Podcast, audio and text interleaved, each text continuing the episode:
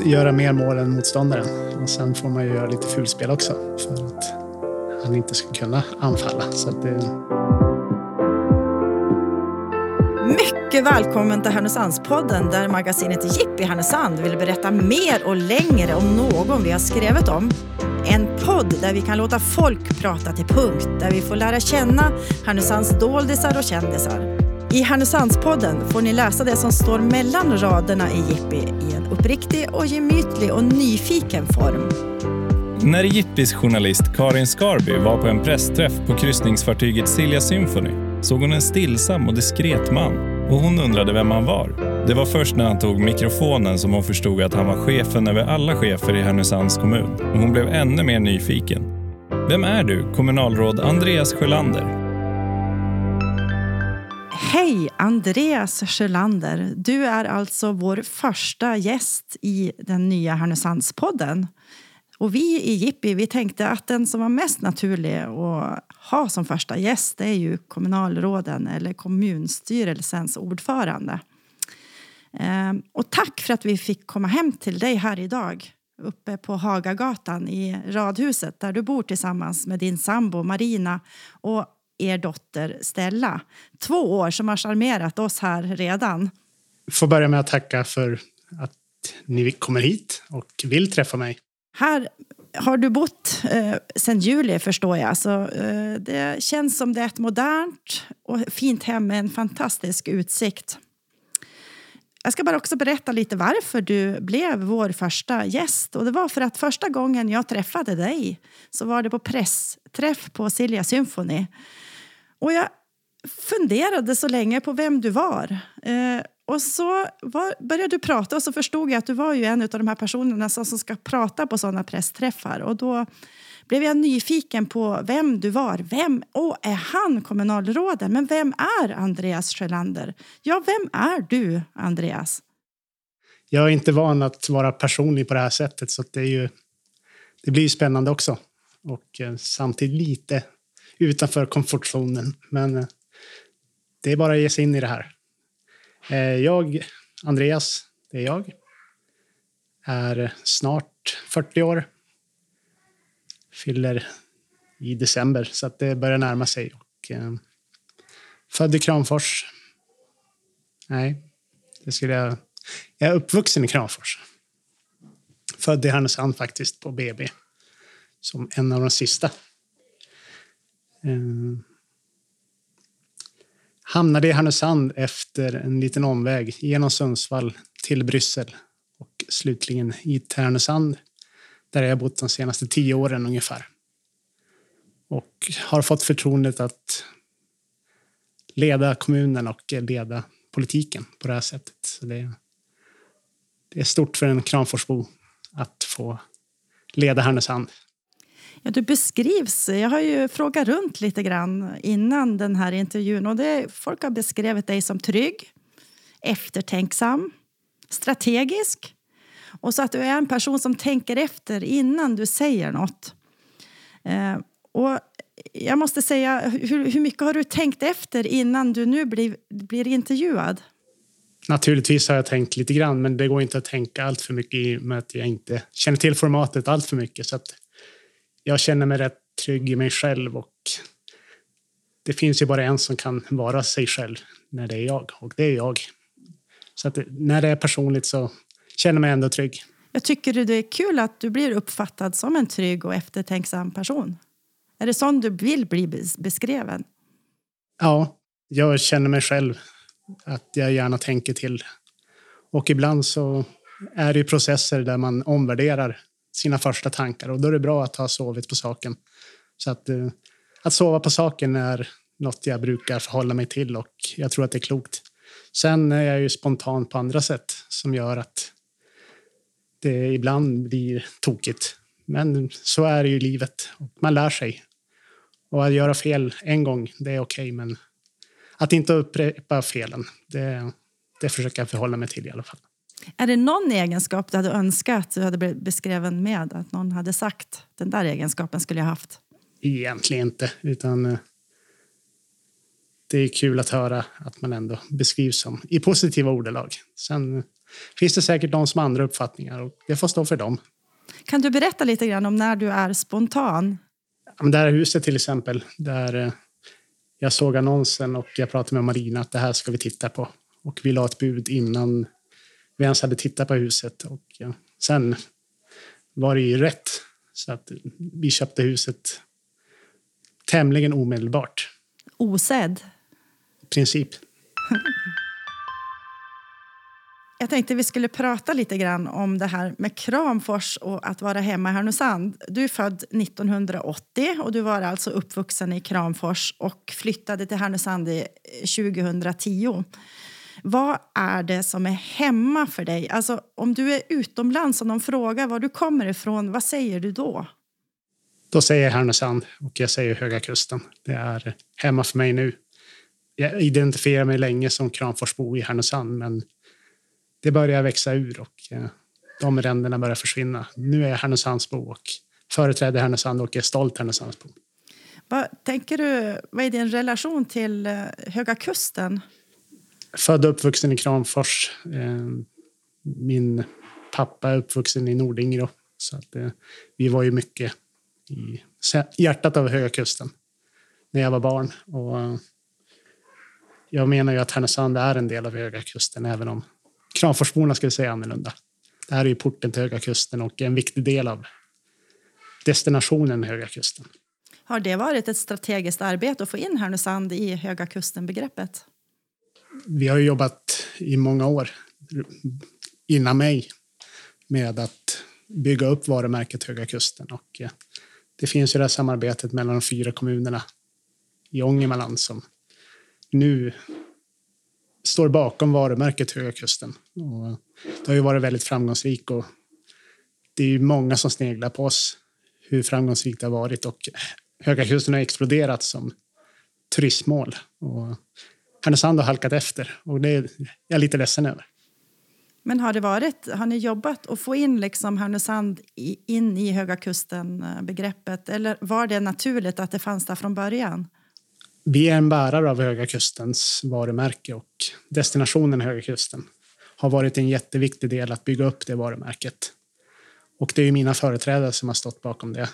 Jobbat strategiskt för att prata Höga Kusten. Härnösand som en del av Höga Kusten och eh, Höga Kusten som en viktig del av Sverige.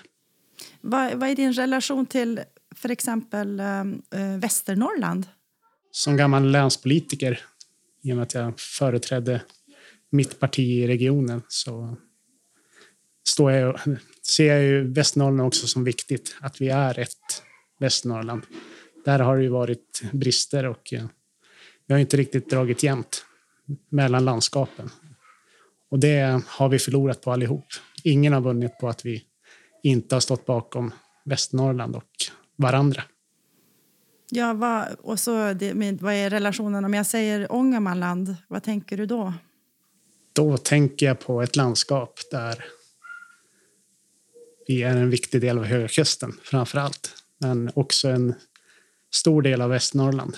Så att, eh, de här landskapsindelningarna de är viktigare än vad vi tror i folks medvetande. Och tyvärr så innebär det också att vi inte alltid drar jämnt i länet. Är det någonting som du, du säger att alla tappar på det här? Kan du, vad tänker du att man förlorar när man inte drar jämnt? Vi har ju varit duktiga på varann, att ta varandra snarare än att attrahera nya verksamheter till länet. Så att Sundsvall har ju vunnit vissa arbetstillfällen, men det har ju varit på bekostnad av Härnösand. På bekostnad av vårt län. Och vi måste låta Sundsvall växa och det kommer innebära att Härnösand också kommer att växa i slutändan. Så att vi måste jobba tillsammans för länets skull och hitta nya arbetstillfällen till vårt län. Inte ta varandra och kannibalisera på de mindre kommunerna i länet. Men nu är Härnösand hemma. Kan du säga en favoritplats du har här i Härnösand? Ja, men bara centrum. Gå runt i i centrum är mysigt tycker jag. Och det gör jag gärna. Och jag tycker rådhuset är fantastiskt att sitta i. Det är en förmån. att få leda kommunen och få sitta i rådhuset. När blev du socialdemokrat? Jag identifierar mig som socialdemokrat hela livet, känner jag. Och, eh, så länge jag minns. Och, eh, jag grät när Olof Palme blev mördad. Det kanske är lite märkligt. Jag var fem år och slog på tv på morgonen och sprang gråtandes till mamma och pappa när de låg och sov. Det, eh, det, har etsat sig fast och, eh, och ideologin har också blivit viktigare. Och det har ju stärkts i min övertygelse om att vi behöver ett solidariskt samhälle där vi ger efter förmåga och får efter våra behov.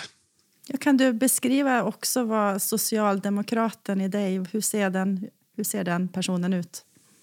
Ja, men jag, jag värnar väldigt mycket om alla människors lika värde. Och just att vi ska dela på tillgångarna i samhället på ett annat sätt. Det är inte bara vissa som ska ha det bra, utan när de som har det sämst i ett samhälle har det relativt bra, då mår samhället i stort också väldigt bra. Så att eh, jag tror på att vårt samhälle kommer att må bättre om vi delar på våra tillgångar på ett mer solidariskt sätt. Och att inte bara vissa roffar åt sig. Har du någon politisk hjälte, inspiratör? Du nämnde Palme här, men eh, det kan ju, är han en inspiratör när det gäller socialdemokratin? För många är han fortfarande the one. Jag eh, är inte riktigt där, utan jag ser att det finns väldigt många i mitt parti som har gjort väldigt mycket för Sverige. Och eh, Palme är en, jag menar att Göran Persson var väldigt bra för Sverige i den tiden. Och sen finns det internationella förebilder också som jag tycker är, har varit viktiga för världen. Tony Blair till exempel har jag sett positivt på. Någon annan politisk hjälte som eh, kanske också historiskt sett... Alltså, jag vet att du kan mycket om partihistoria. Är det någon historiskt sett som du tror har varit viktig för socialdemokratin? Ja, men vi har ju ett parti som under över hundra år bara haft sju partiledare. Det är ju det är starka ledare som har suttit väldigt länge och varit viktiga både för mitt parti och för Sverige i stort. Så att, eh, Socialdemokraterna har ju på något sätt varit de som har lagt grunden till det samhället vi har idag. Vad tänker du om jag säger folkhemmet? Jag tänker på det solidariska samhället där eh, också de som inte hade de stora tillgångarna hade möjlighet att bygga sitt eget hem. Och där eh, vi stod bakom varandra på ett annat sätt. Solidariteten var större tidigare än den är nu i alla fall.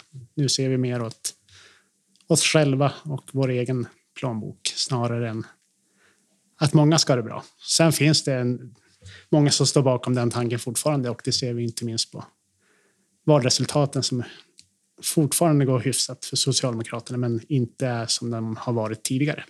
Vad tänker du om jag säger LO? Jag tänker både på LO som fackförbund och en facklig organisation men också som en viktig del av arbetarrörelsen.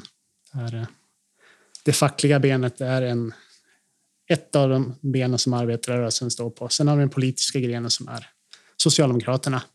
Och tillsammans så har vi lagt grunden för det samhälle vi har. Och med Saltsjöbadsavtalet så formade vi det Sverige som vi har idag. Du formades ju i Kramfors när du växte upp där. Du sa att det var liksom naturligt för dig kanske att bli socialdemokrat när du kommer från Kramfors. Kan du berätta lite mer om varför du säger det? Nej, men på något sätt har ju socialdemokratin varit skjuten ur Ådalen 31 och de händelserna där.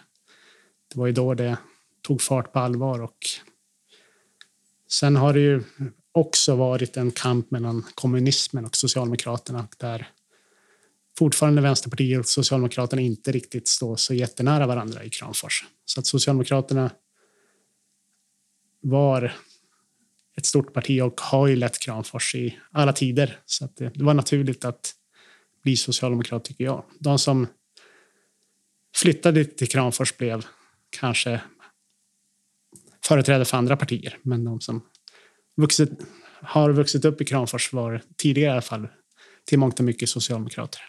Var dina föräldrar i arbetarklass? Vill du säga det? Ja, båda jobbar i industri, så att det, jag identifierar mig som arbetarklass fortfarande, även om jag har inte har arbetat på det sättet på många år. Men eh, jag har det ganska bra. Och det är förmånligt att vara politiker på den nivå som jag företräder. Så att jag har det ju väldigt väl förspänt, tycker jag. Och jag ska inte värdera. Många tycker säkert att vi har det för bra, men så ser det ut. Och jag ska inte klaga. Fem snabba frågor. Favoriträtt? Hamburgare. Vad dricker du till? Cola. Paddel eller paddling? Oj. Paddling. Skidor eller bio? Skidor. Favoritmusik? Reggae. Du tog statskunskap och samhällskunskap på Mittuniversitetet 2004 till 2008. Varför valde du just de här ämnena? Det växte ju fram ett intresse politiskt och eh, jag kände att ja, men jag kan ju prova en A-kurs i alla fall i statsvetenskap. Men sen kom ett program som kändes skapat för mig, internationella samhällsvetarprogrammet. Och då sökte jag till det och jag tänkte att jag kommer nog inte in. Men det gjorde jag. Jag läste ju barn och fritid på gymnasiet. Så att det var kanske inte det naturliga steget. Jag tog ett sabbatsår, tänkte jag att jag skulle hoppa på fritids, eh, fritidspedagogsprogrammet. Heter det. Men ett år blev fem år och till slut så hittade jag statsvetenskap. Det var helt rätt. Ja, vad berätta, vad lärde du där? både politiska ideologier och eh, men framför allt att hitta kunskap och hitta fakta. Det är en viktig del av en statsvetares liv också. Att veta vart man ska slå efter kunskap. Allt sitter inte i huvudet utan mycket sitter i fakta och i böcker och på nätet. Och, så det, framför allt det. Men sen också hitta mig själv och hitta kamrater som också tyckte att det var intressant att diskutera politik och också bidra till förenings eller studentlivet i Sundsvall, som vi också gjorde. Ja, vad gjorde du? Berätta vad du gjorde i studentlivet. Jag var kåraktiv, så att eh, jag jobbade på studentkåren i, i restaurangen där, ideellt. Man fick en bit mat, men eh, det var ju väldigt mycket ideellt arbete och jag tyckte att det var viktigt. Jag var med i styrelsen för samhällsvetarföreningen på Mittuniversitetet och var ordförande ett år också. Och sen eh, våra nollningar var jag också aktiv i. En väldigt viktig del av studentlivet och roligt. Så det är mycket roliga minnen. Mycket studerande men var väldigt mycket annat också. Visste du när du började studera här att du ville satsa på en politisk bana? jag har aldrig brunnit för politik på det sättet att jag ska bli politiker. Utan det har ju format sig och allt bygger på förtroende och det är andra som har förtroende för mig. Så att jag har inte strävat efter att bli kommunstyrelsens ordförande utan har ju också blivit nominerad. Mitt parti står bakom mig så att det är ingenting man väljer själv utan det är andra som ska stödja en och så har det blivit. Medan du studerade på Mittuniversitetet så eh, börjar du att jobba i Bryssel. Kan inte du berätta den förbindelsen med studiet och Bryssel? Det började egentligen med att jag skulle studera i Australien. Jag åkte till Australien och skulle plugga ett år. Bara en massa strökurser som inte skulle ge någon långsiktig kunskap på det sättet, utan det var för att komma ifrån. Men efter två veckor bestämde jag att jag åker hem igen. Det, Ska jag ta studielån 200 000 för att studera nonsens. Så då omvärderade jag det, åkte hem och fortsatte i Sundsvall ett halvår. Sen sökte jag då praktik i Bryssel hos de svenska socialdemokraterna och fick den platsen. Det var väldigt roligt och inspirerande så att då sökte jag ett halvår till på betald praktik hos den stora internationella socialdemokratiska gruppen och fick plats där.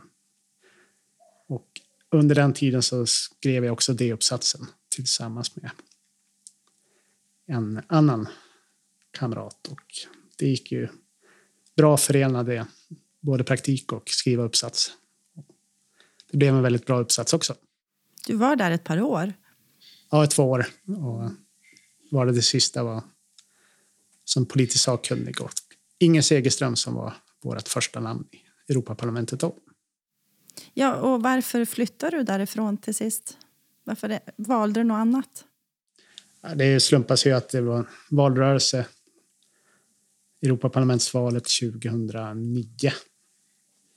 Och eh, då slutade Inger och jag kände att jag hade gjort mitt i Bryssel.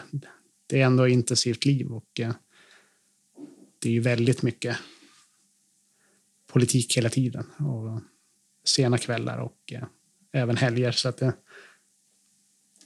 jag kände mig ganska mätt på Bryssel då. Och då sökte jag mig hemåt.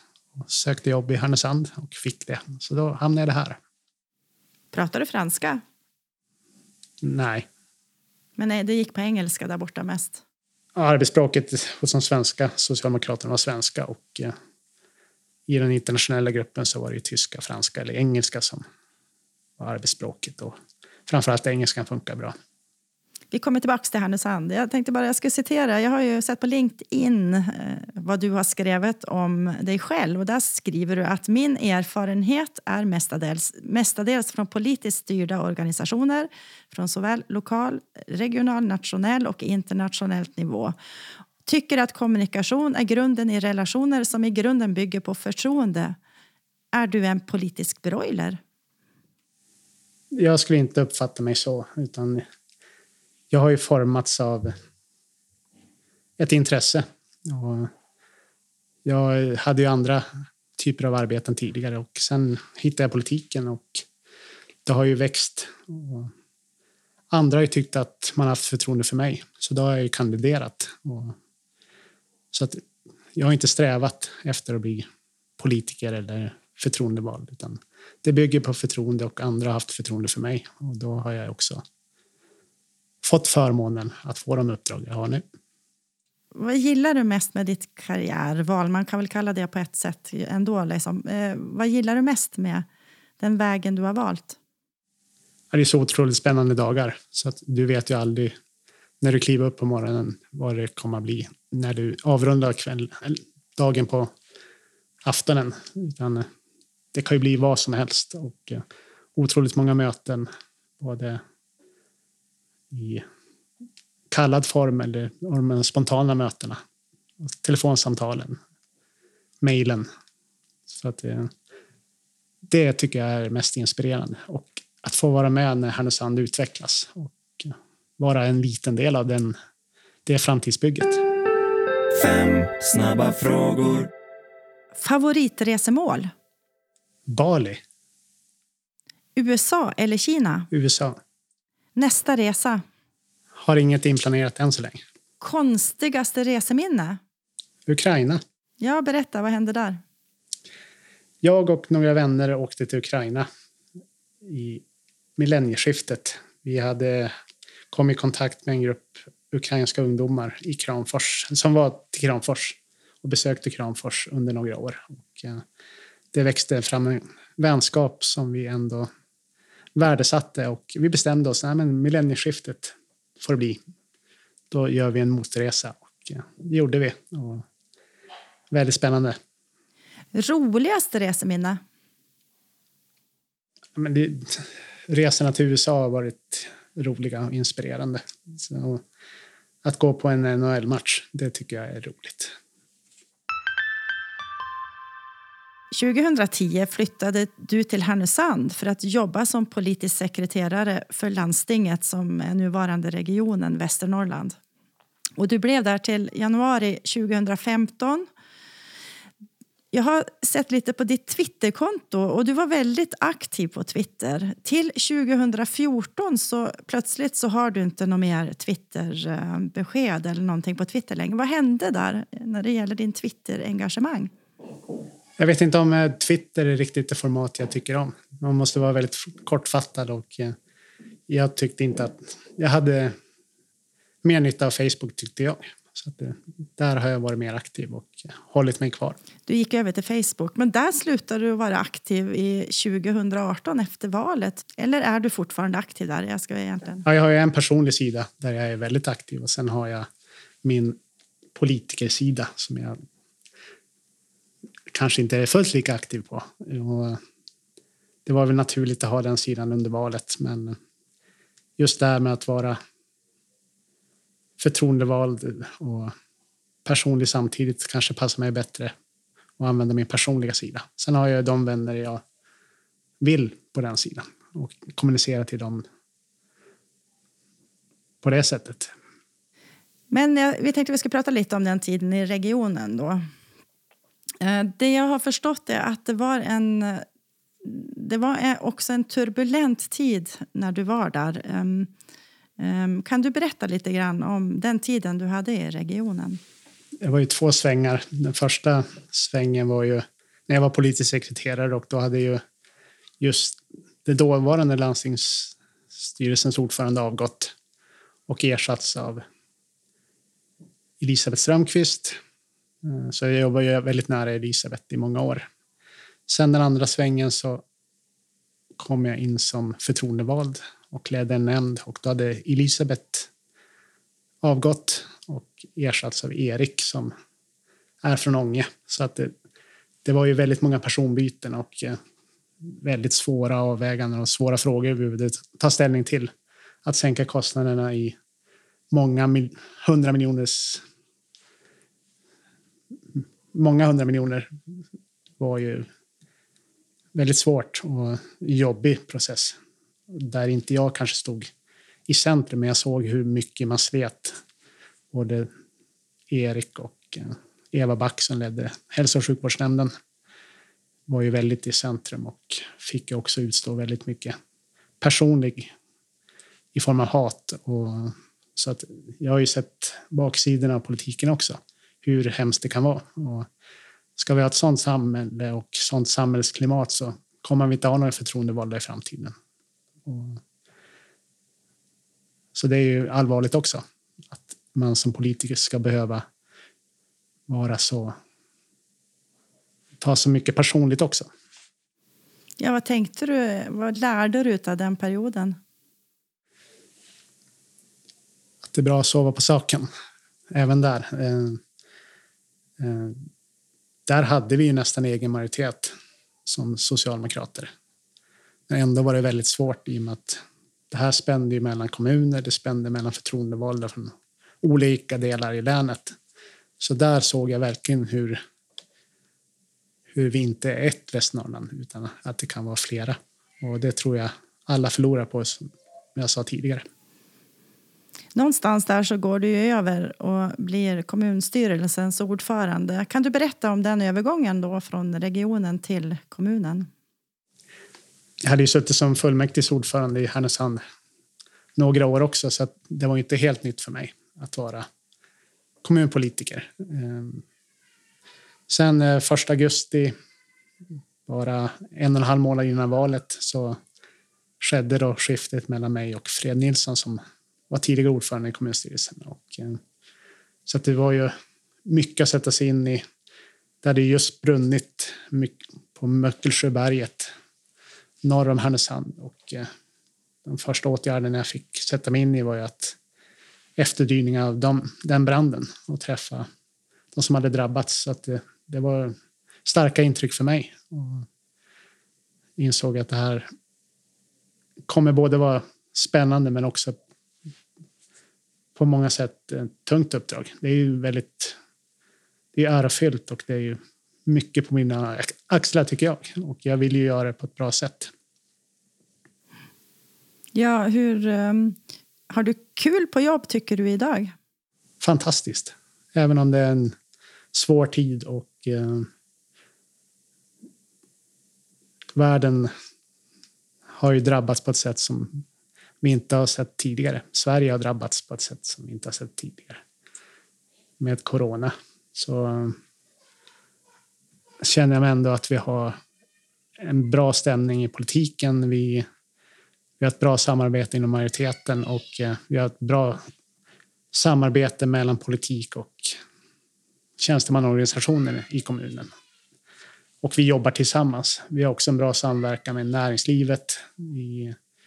Vi har haft veckoavstämningar hela våren och nu under hösten har vi nu glesat ut det till varannan vecka. Men just det här att ha örat mot rälsen och verkligen se förändringarna från vecka till vecka i samhället. Från när det började dala i våras till när Silja Symphony meddelade att de skulle besöka Härnösand. Och då blommade ju Härnösand upp. Och eh, nu har det kommit ett antal positiva besked för Härnösand som också är roligt att ha fått kommunicera. Samtidigt har det kommit tyngre besked med Comhems flytt som också både tog personligt men också har varit en liten slag mot Härnösand. Och vi har ju varit stolta över Comhem och kommunicerat att Härnösand är en viktig del av Härnösand. Eller Comhem är en viktig del av Härnösand. Så det har både varit eh, motgångar och medgångar på ett sätt? Ja, och det hade jag räknat med. Eh, att det inte är en dans på rosor utan det här är ett viktigt uppdrag och det kommer att komma tunga besked för Härnösand. Och det kommer komma trevligare besked för Härnösand. Det kan vi nog ställa oss in på. Förändringen kommer att ske. Du har aldrig ångrat dig att du drog ifrån Bryssel och egentligen också från regionen och började liksom i kommunen? Nej. Var sak har sin tid och eh, nu är jag här och nu och har ett förtroende att leda Härnösand, vilket jag känner är något väldigt fint. Och, och det gör jag med stolthet och samtidigt en stor ödmjukhet för att eh, jag kan inte göra någonting själv utan det är en organisation med 1600 anställda som ska göra sitt bästa varje dag för att borga för våra medborgares trygghet. Det är det viktigaste uppdraget vi har. Och jag är en liten del av den verksamheten. Förvisso leder jag den, men kan inte göra någonting själv. Utan jag är beroende av andra och beroende av ett samarbete med andra. Vi gör det här tillsammans och gör vi det tillsammans, då kommer det här gå bra. Fick också höra när jag, innan jag träffade dig av någon som sa att du är ju en teamworker. En, du, du jobbar i grupp gärna. Berätta, uppfattar du det som själv? Ja, det är en viktig del av mig och viktigt, en viktig del av mitt ledarskap. Att andra också ska känna sig med på banan och vara, ta sin del av ansvaret och få förtroendet.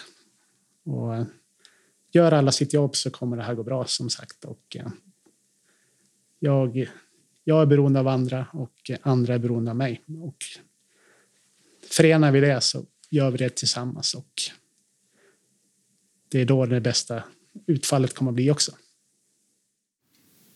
Du bor alltså i ett radhus här på fastlandet i Härnösand med Marina och Stella två år. Och på in säger du att du äter hellre gröt tillsammans än fläskfilé ensam.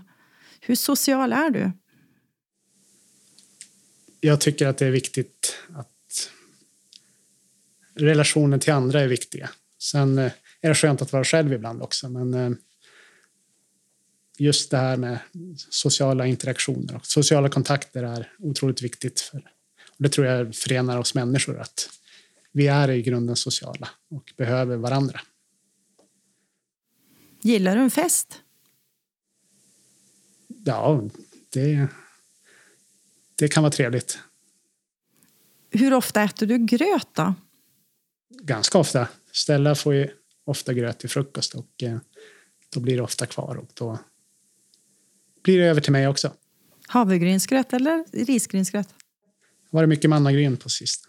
Mannagrynsgröt, ja. Tycker du att det är lätt eller svårt att få vänner i Härnösand? När du säger det, de flesta av mina vänner i Härnösand är ursprungligen från Kramfors. Så att jag tror, det är många som vittnar om det, att Härnösand är lite komplicerat att komma in i som ny. Och eh, det kan jag också stryka under på. Det är väldigt mycket organisationer, mycket föreningar, mycket loger och att komma hit som ny. Då måste man först hitta de här föreningarna, logerna, innan man hittar det sociala sällskapet. Och det kan vara en liten resa. Och väldigt mycket utgår ifrån det gamla. Man pratar om det gamla taxi, man pratar om något som låg på något ställe tidigare. Och då ska man veta vart de ställena är. Så att vi pratar väldigt lite här och nu, utan väldigt mycket om vad som har varit i Härnösand. Vilken förening blev din väg in i Härnösand? Socialdemokraterna var ju naturligt i och med att och det är de 500 partikamraterna där som har varit viktiga för mig. Sen, ehm, och det är väl den typen av föreningsaktivitet jag har haft här.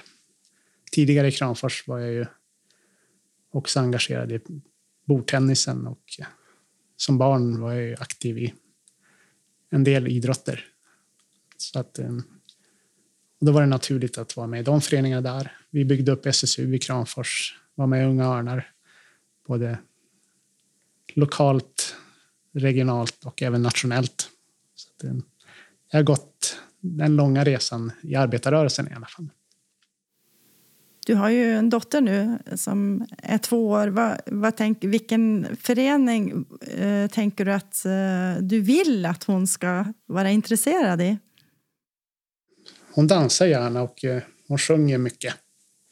Och jag tänker att det är naturligt att hon ska få börja i någon dansförening.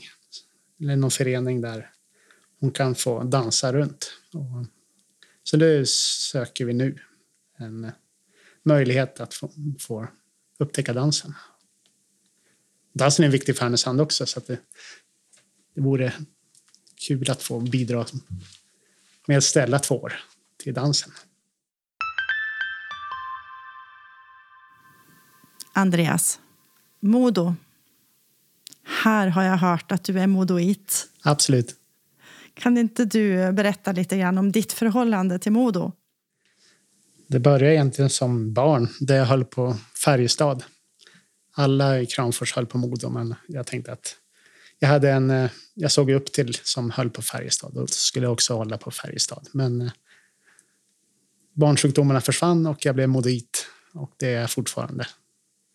Sen kanske jag inte alltid för ut det nu för tiden och stoltserar med det när det går lite knackigt. Men det kanske är nu det är som viktigast att stå bakom Modo och visa stöd. Ja, det går ju inte så bra för Modo. Hur, hur känns det i ett modoit-hjärta? Modo är viktigt för länet och eh, så att det är otroligt tungt. När man ramlade ur elitserien så det var ju en tung period och eh, inte bara för mig utan för många. Många berörs av Modo. Modo är viktigt. Sen finns det Timrå också som är viktigt för många i Härnösand. Så det är ju på något sätt 50-50. Och de får gärna vara timoriter, men jag står bakom Modo. Du håller, du håller på Modo både dåliga och bra dagar?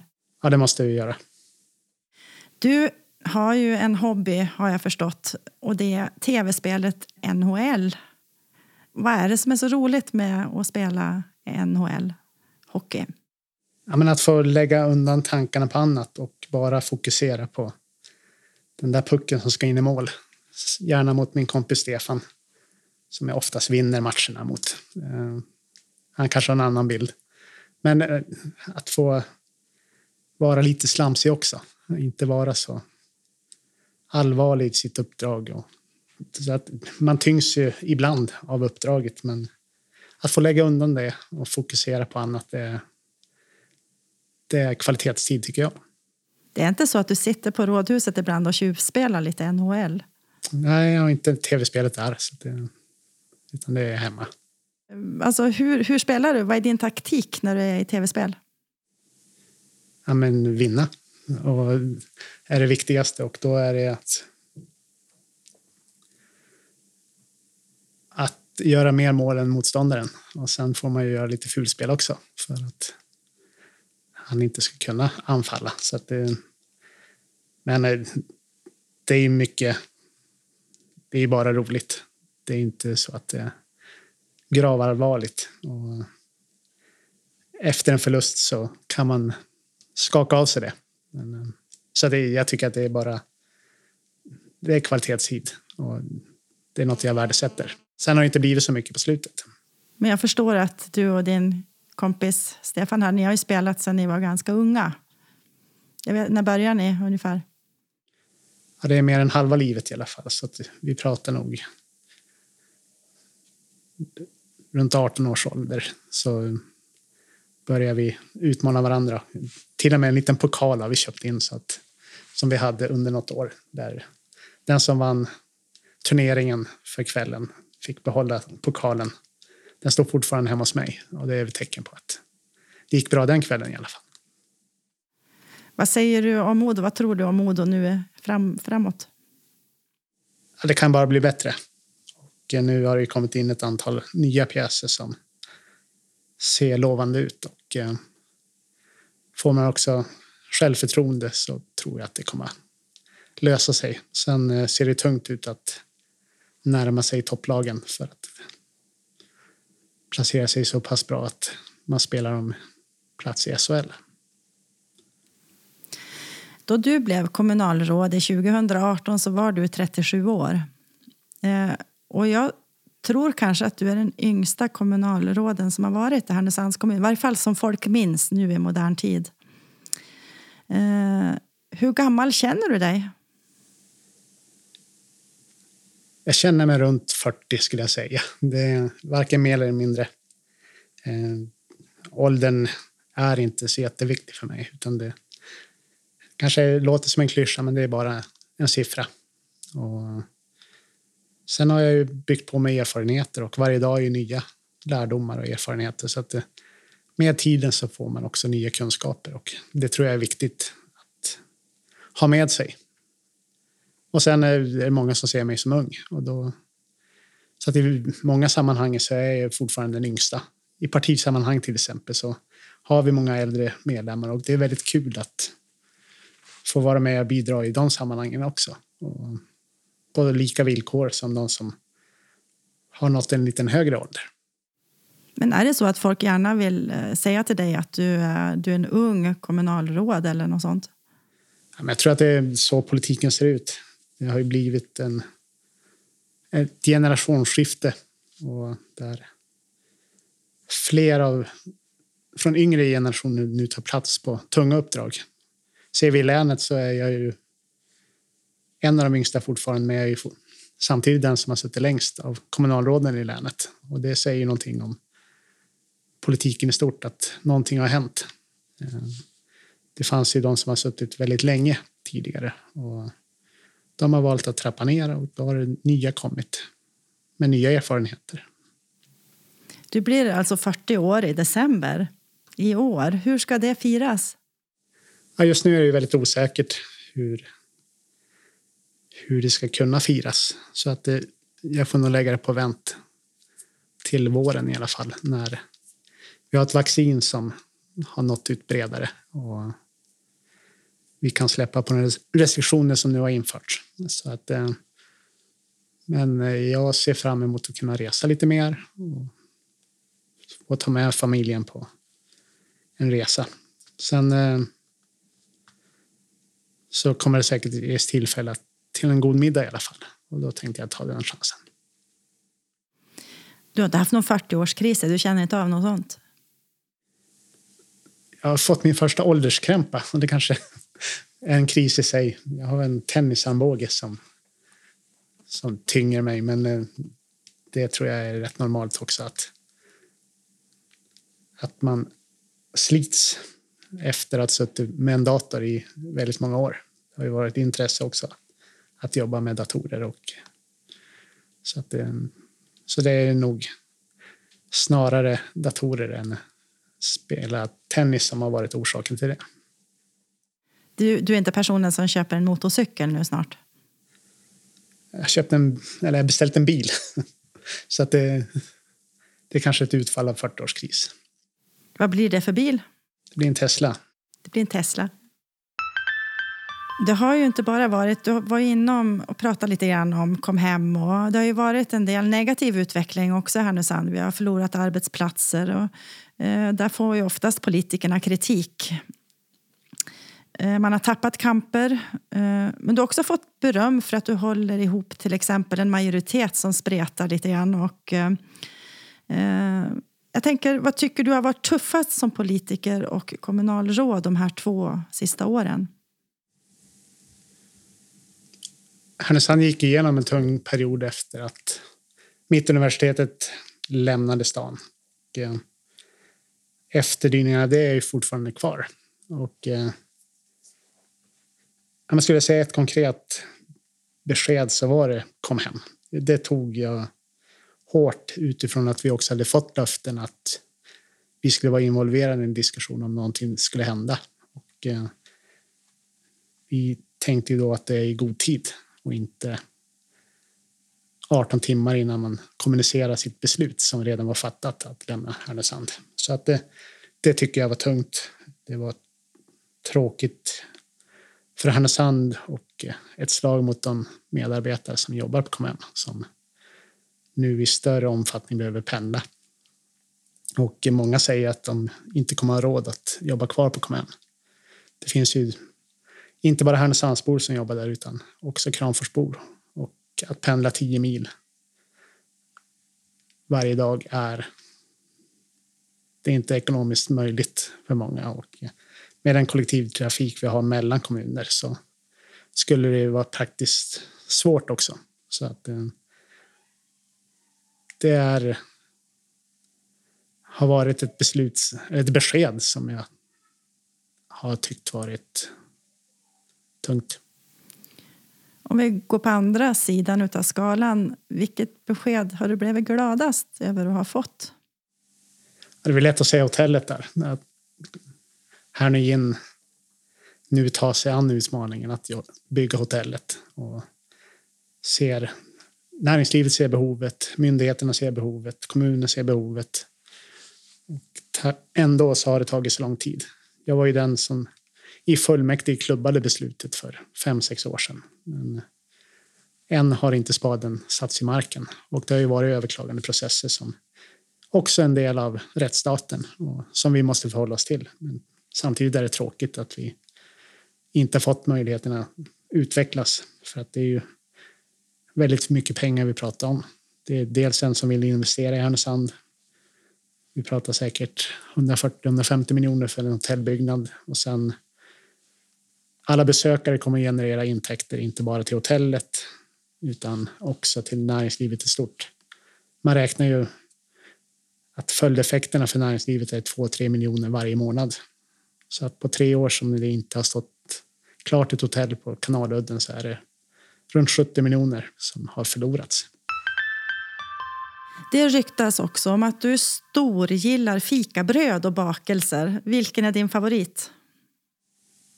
Oj, det var den svåraste frågan hittills. Eh, I Kramfors när jag växte upp så fanns det någon som hette Windsor. Den tycker jag mycket om. Vad är, berätta vad en Windsor är för något. En vetebulle som man skär i mitten och så är det lager av vaniljkräm. Och toppat med glasyr, eller glasyr. Det är väl gott. Jag hör ju också lite grann om att uh, du träffade din sambo kanske också. Uh, ligger en kaka söker maka var det någon som sa. Uh, förstår du vad jag menar när jag säger det? Ja, det är väl lite fyndigt. Marina är ju både bagare och konditor. Och, eh, men det var ju nog inte det som ledde oss samman, utan eh, vi träffades på nätet som så många gör. Och, det finns nog en...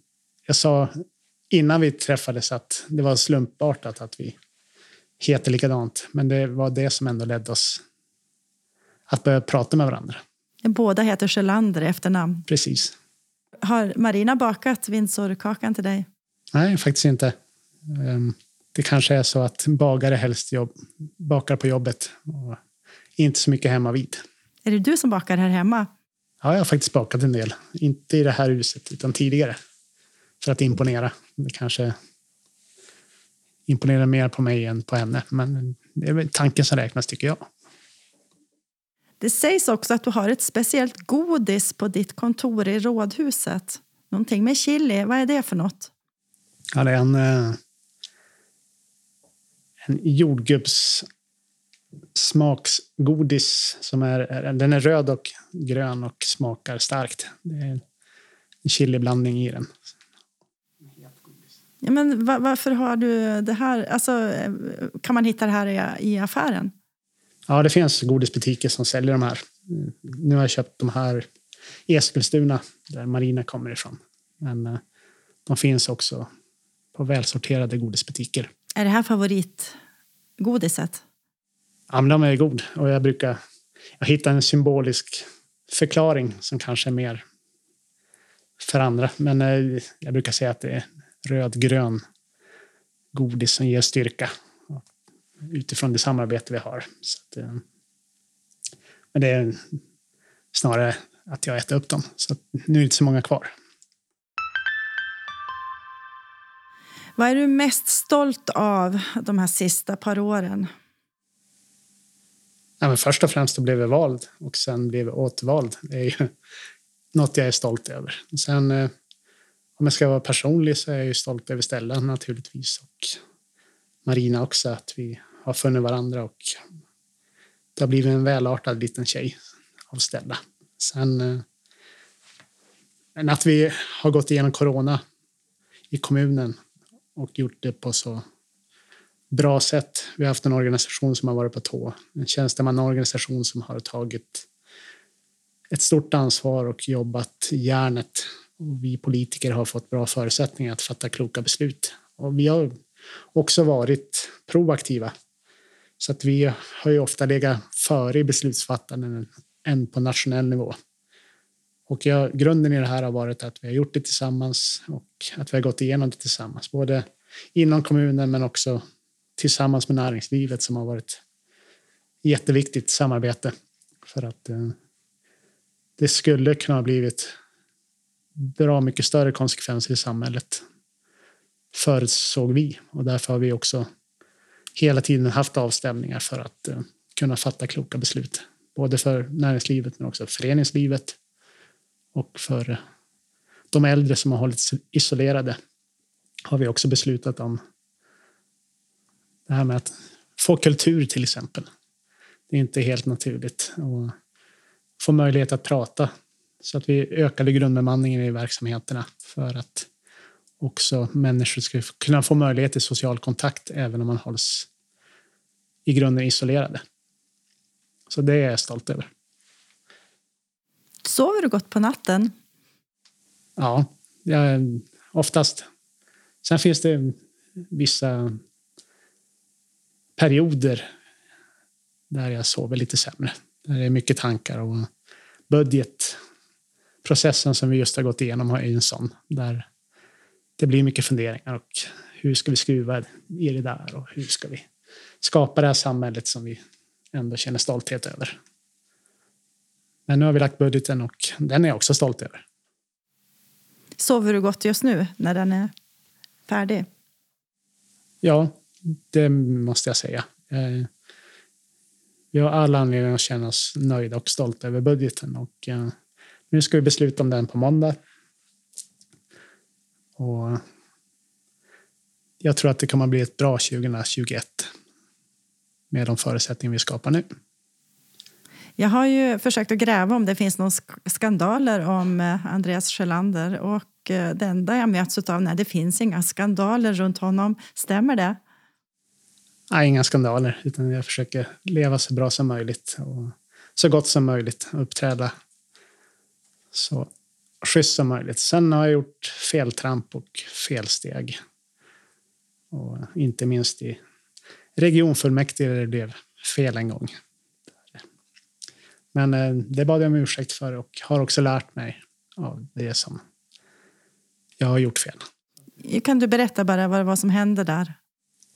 Ja, men I en het debatt så spårade det ut lite och jag viskade väl lite högt ett fult ord om en ledamot i regionfullmäktige som företrädde Centerpartiet.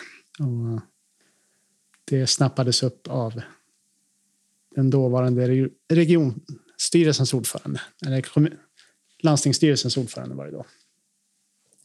Och det blev en större fråga än vad det egentligen var och det redde vi ut och jag lärde mig att har man synpunkter så håll det inom dig själv och eh, det är bättre att låta saker rinna av och räkna till tio än att uttrycka dig på ett dumt sätt. För att det sårar bara och det skapar också en dålig bild av politiken som alla förlorar på. Om, eh, och det brukar jag också säga i Härnösand att vi måste föregå med ett gott exempel och även om vi inte håller med varandra så måste vi behandla varandra med respekt och eh, ha ett bra klimat i politiken. För att fullmäktige som är öppet blir bilden av politiken och är vi luven på varandra där så blir bilden av Härnösand dåligt i grunden. Och litar man inte på politiken så, så blir det också en större utmaning för privata investerare att göra investeringar i Härnösand.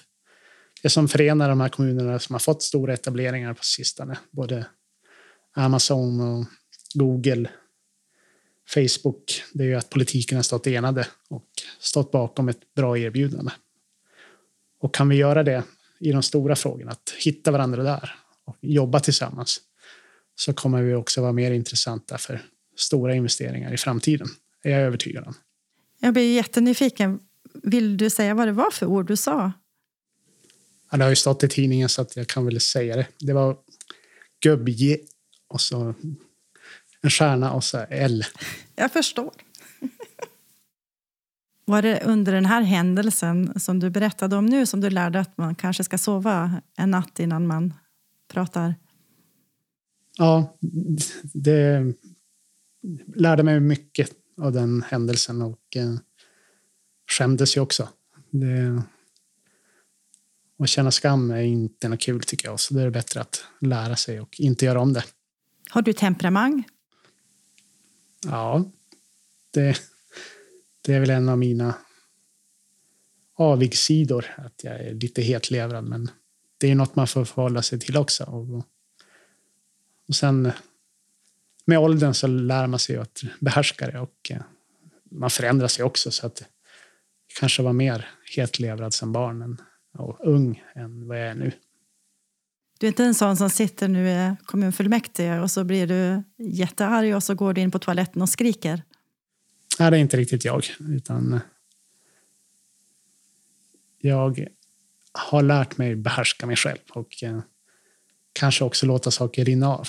Även om andra uppträder dåligt så behöver inte jag hamna i den fällan och uppträda lika dåligt. Utan då är det bättre att vi tar ett resonemang om just hur andra har betett sig i framtiden. Men eh, jag kan bara ta ansvar för mig själv och eh, jag försöker göra min del av ansvaret. Och sen ska jag skapa förutsättningar så att andra också vill ta sitt ansvar.